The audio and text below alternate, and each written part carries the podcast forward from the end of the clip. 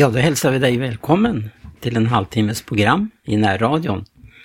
Jag heter Tage Johansson och vi ska ägna den här halvtimmen åt att forska i de heliga skrifterna, Bibeln.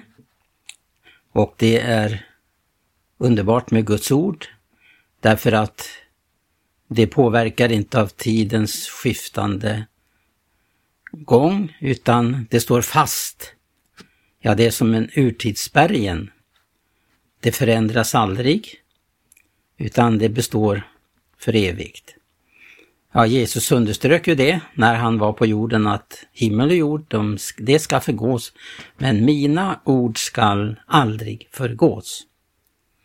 Och ska vi nalkas Gud, då måste vi först ta reda på vad han har sagt i sitt ord. Och det gäller i varje skeende för en människas liv. Och nu tänkte jag speciellt eh, tala lite om vad Bibeln lär om den helige Ande. Det är genom den helige Ande som Gud skapar någonting. Det är genom den helige Ande som Gud föder en människa på nytt. Och det är genom den helige Ande som en människa kan få uppleva att hon blir ett kärl just för den helige Ande. Det talar Paulus om när han skriver till Timoteus, att de, man håller sig ren från sådant folk, alltså sådant folk som kan besmitta.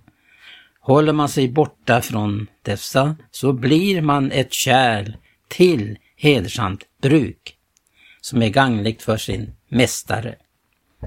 Den heliga Andes arbete här på jorden, det har ju egentligen ett enda syfte och det är att vinna människans hjärta för Kristus.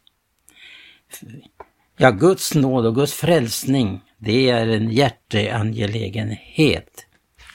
Och vi förstår då hur eh, Salmisten upplever det när han säger att skapa i mig Gud ett rent hjärta. Men för att studera lite grann här, den här korta stunden vi har tillsammans den här morgonen, så vill jag bara eh, påpeka om vad Bibeln lär helt kort om den heliga Ande. Den heliga Ande den verkar alltså fram pånyttfödelse som jag nyss nämnde. Men i varje skeende så handlar det om ett, den heliga Andes verk i en människas liv. Så som enskild och som Guds församling. Utan den heliga Ande hade ingenting kunnat skett. Men därigenom att den heliga Ande var närvarande då Gud skapade himmel och jord och allt det synliga vi kan registrera. Det kommer till genom den helige Ande som är en skapande kraft.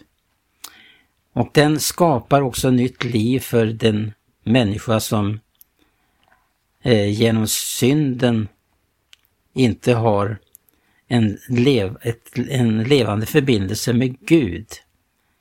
Men genom eh, det försoningsmedel så kan människan mottaga frälsning av nåd och bli född på nytt. Men det är intressant, om vi studerar Bibeln om den helige Ande, att den helige Ande utför sitt arbete i varje episod i en människas liv.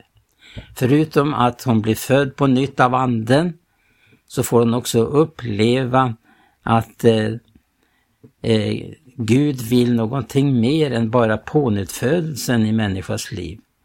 Hon vill använda henne som sitt redskap.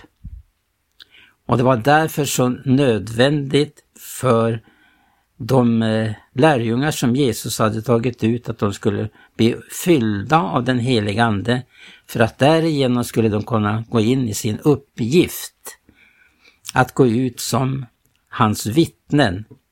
Att eh, budskapet skulle komma ut till människorna. I varje skeende så handlar det om den helige Ande. När Paulus talar om att hans predikan skulle inte vara grundad på människors visdom utan på Guds kraft, alltså den helige Andes kraft. Det skulle ske genom en överbevisning. Anden överbevisar en människa om synd, dom och nåd. Och när Paulus predikade i den heliga Andes smörjelse så blev människor överbevisade om sin synd. Det kan ingen människa tillbakavisa. Hon kan stänga för vad den heliga Ande vill i en människas liv. Det var inte alla på pingstdagen som blev frälsta. En del stod emot, en drev gäck av det som skedde när lärjungarna blev fyllda av den heliga Ande. Men en, en ganska stor hop, ja det står vid pass 3000, så kände man ett styng i sina hjärtan. Det är ju så att människan kan motstå, kan eh, förakta vad den heliga Ande verkar, men kan också uppleva en förkrosselse och eh, syndanöd och behov, får behov av frälsning. Och det är ju det det handlar om för att eh, eh, de första troende i Jerusalem skulle ha framgång så var det först nödvändigt att bli fyllda av den heliga Ande. Att den heliga Ande skulle få använda var och en som sitt redskap, som sitt kärl. Och att tillsammans utgjorde ett heligt tempel för Anden. Förutom att människans kropp är ett tempel åt den heliga Ande så är det också så att församlingen, den församling som Gud reser upp i tiden, den kan vara ett heligt tempel för anden. En plats där anden får förmedla Guds härlighet, uppenbara vem Gud är. Det är stort med detta att människan behöver inte arbeta fram någonting i egen kraft. Och det kan heller inte ge något resultat, kan inte föda fram ett andligt resultat, utan människan behöver den heliga Ande. Och därför var det så nödvändigt att lärjungarna skulle bli uppfyllda av den heliga Ande som de blev på pingstdagen. Och utan den heliga Ande förmår alltså människan ingenting. Det står ju det också att eh, icke genom någon människas kraft kan det ske utan genom min ande, säger Herren, så säger profeten. När vi upplever den helige Ande så sprängs de mänskliga begränsningarna. Men det är ju alltid så att det är en mycket, mycket känslig ett mycket känsligt ting, detta med vår relation till den helige Ande. Vi kan bedröva den helige Ande. Vi kan uppleva att vi stänger för den helige Andes verk i våra liv och eh, framförallt i vår bevarande, i vår frälsning förnyas, alltså förnyas i frälsningen genom den helige Ande. Vi måste ständigt förnyas leva i en förnyelse i den heliga Ande för att bevaras i frälsningen. Därför är det så oerhört viktigt att eh, vi, in, vi måste röja undan alla hinder för den heliga Ande. Det kan vara medveten synd och det kan vara olydnad. Därest man har upplevt den första kärleken i sitt liv som nyfrälst så var man inte så nogräknad utan man släppte in ting som bedrövar den helige Ande. Och därför så vid varje väckelse så sker detta att Guds folk kommer i syndanöd det är inte bara syndaren ute i världen som behöver komma i syndanöd. Guds folk måste komma också i syndanöd och verkligen uppleva den här förkrosselsen som den heliga Ande utför. Utan det kan vi inte uppleva den heliga Andes rörelse i församlingen och i våra enskilda liv som kristna.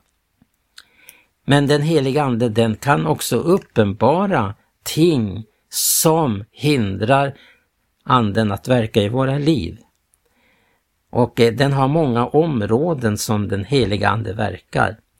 Den verkar då först och främst i att vi har en sann relation så att vi inte sätter hinder för den heliga Ande, bedrövar den heliga Ande.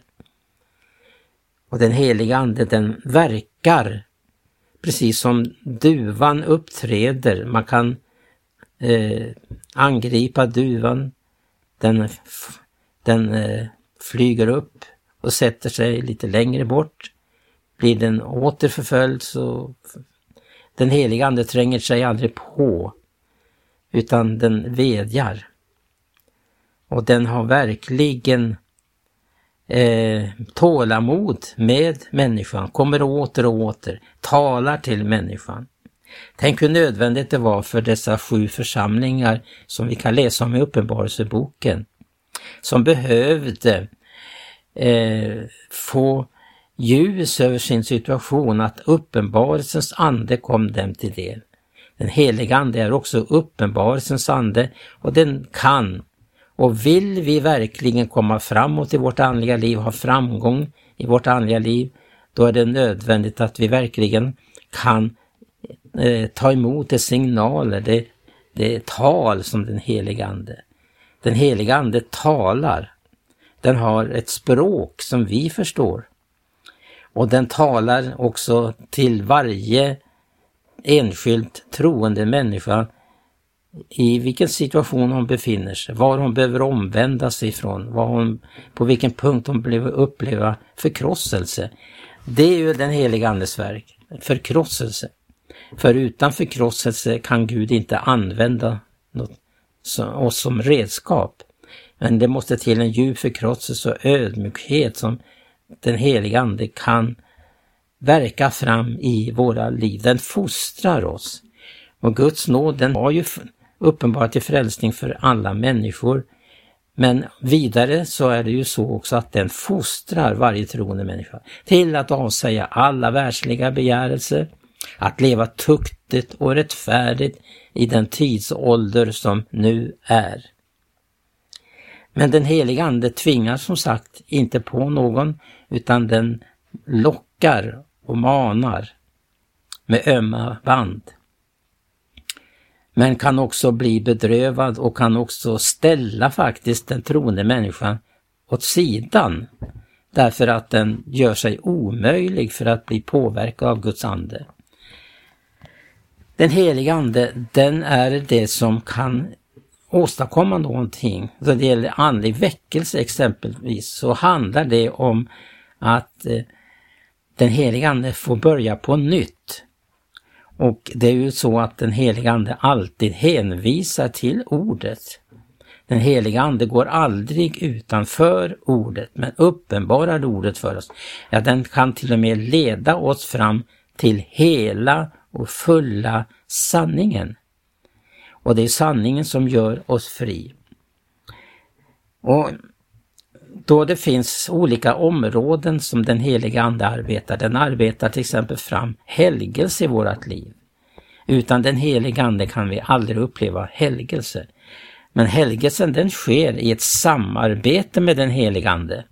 Vi å ena sidan lägger av det som är till hinder. Vi, vi ska med fruktan och bevan arbeta, står det på vår frälsning.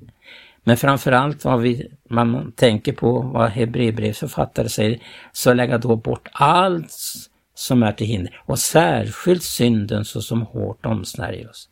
Håller vi fast vid medveten synd då kommer den heliga, aldrig, den heliga Ande aldrig kunna utföra sitt verk i oss.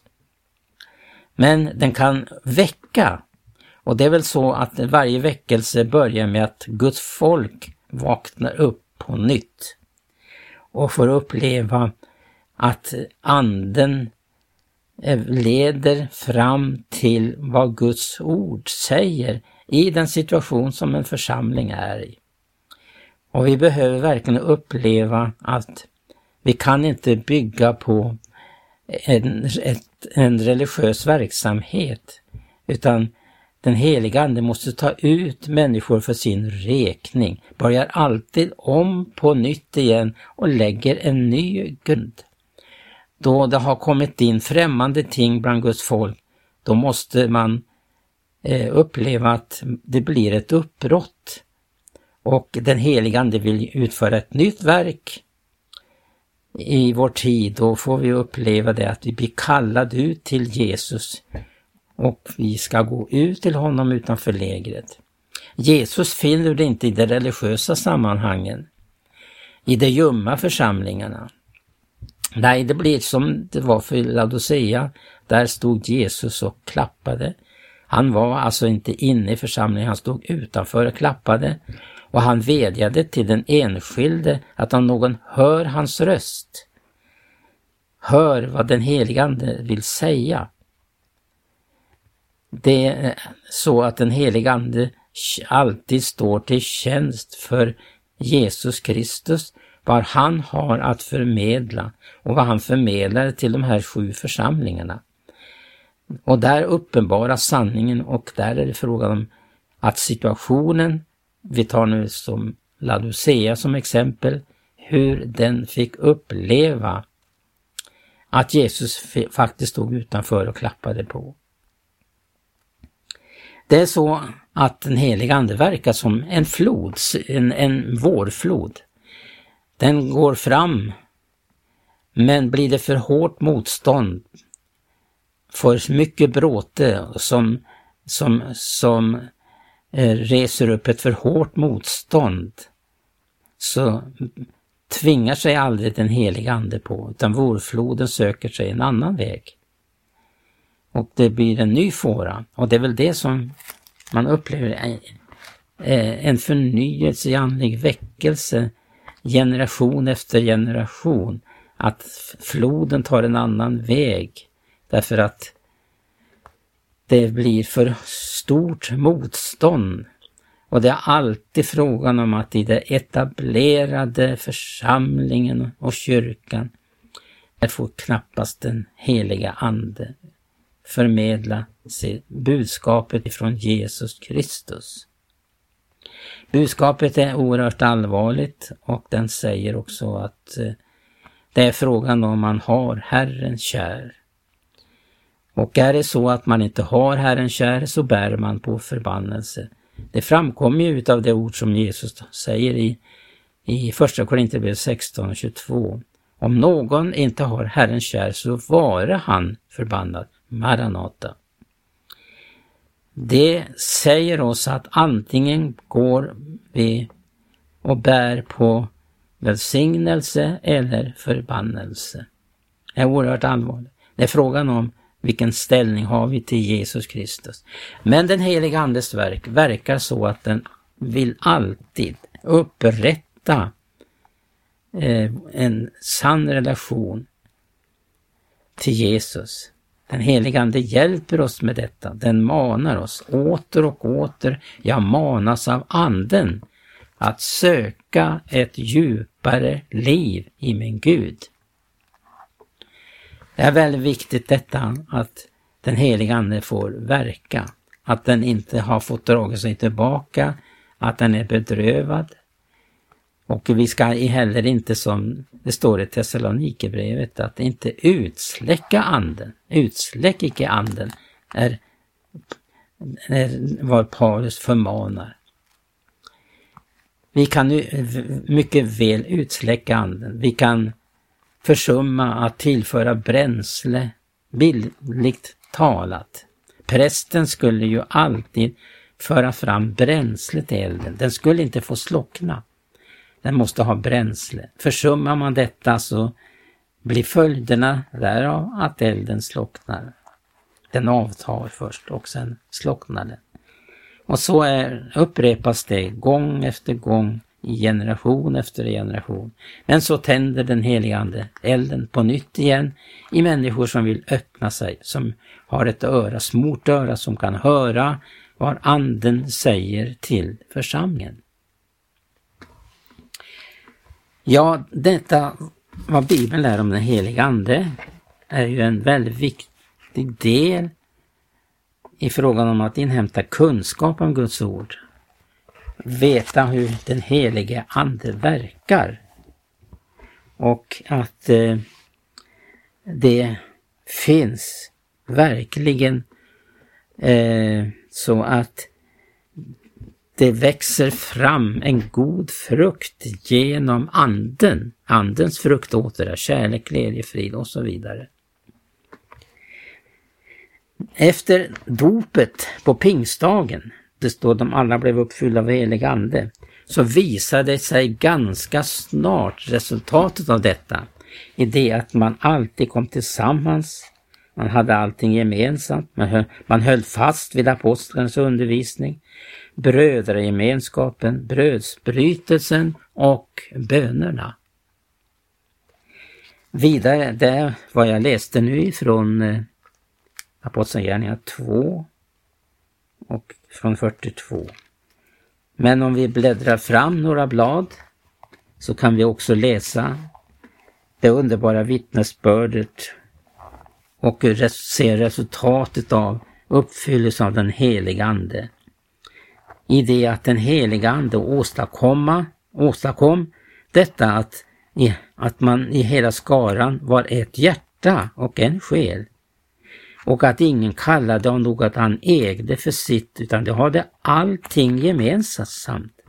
Och som en följd av så kan vi då läsa i 33 versen att apostlarna genom detta andens verk och detta synliga resultat kunde få uppleva att genom eh, den gemensamma eh, upplevelsen av anden kunde apostlarna frambära eh, vittnesbördet om Herre Jesu uppståndelse och att stor nåd var över dem alla.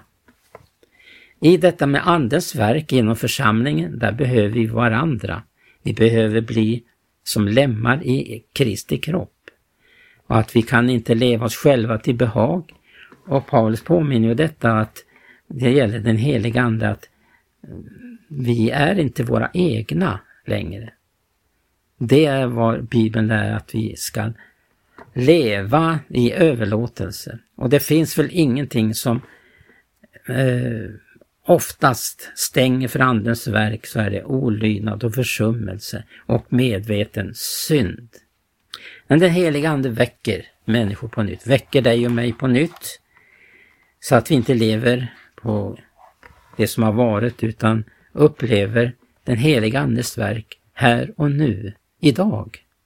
Och att vi får vandra i anden och uppleva att vi behöver den heliga Ande för att vi ska kunna möta Jesus när han kommer.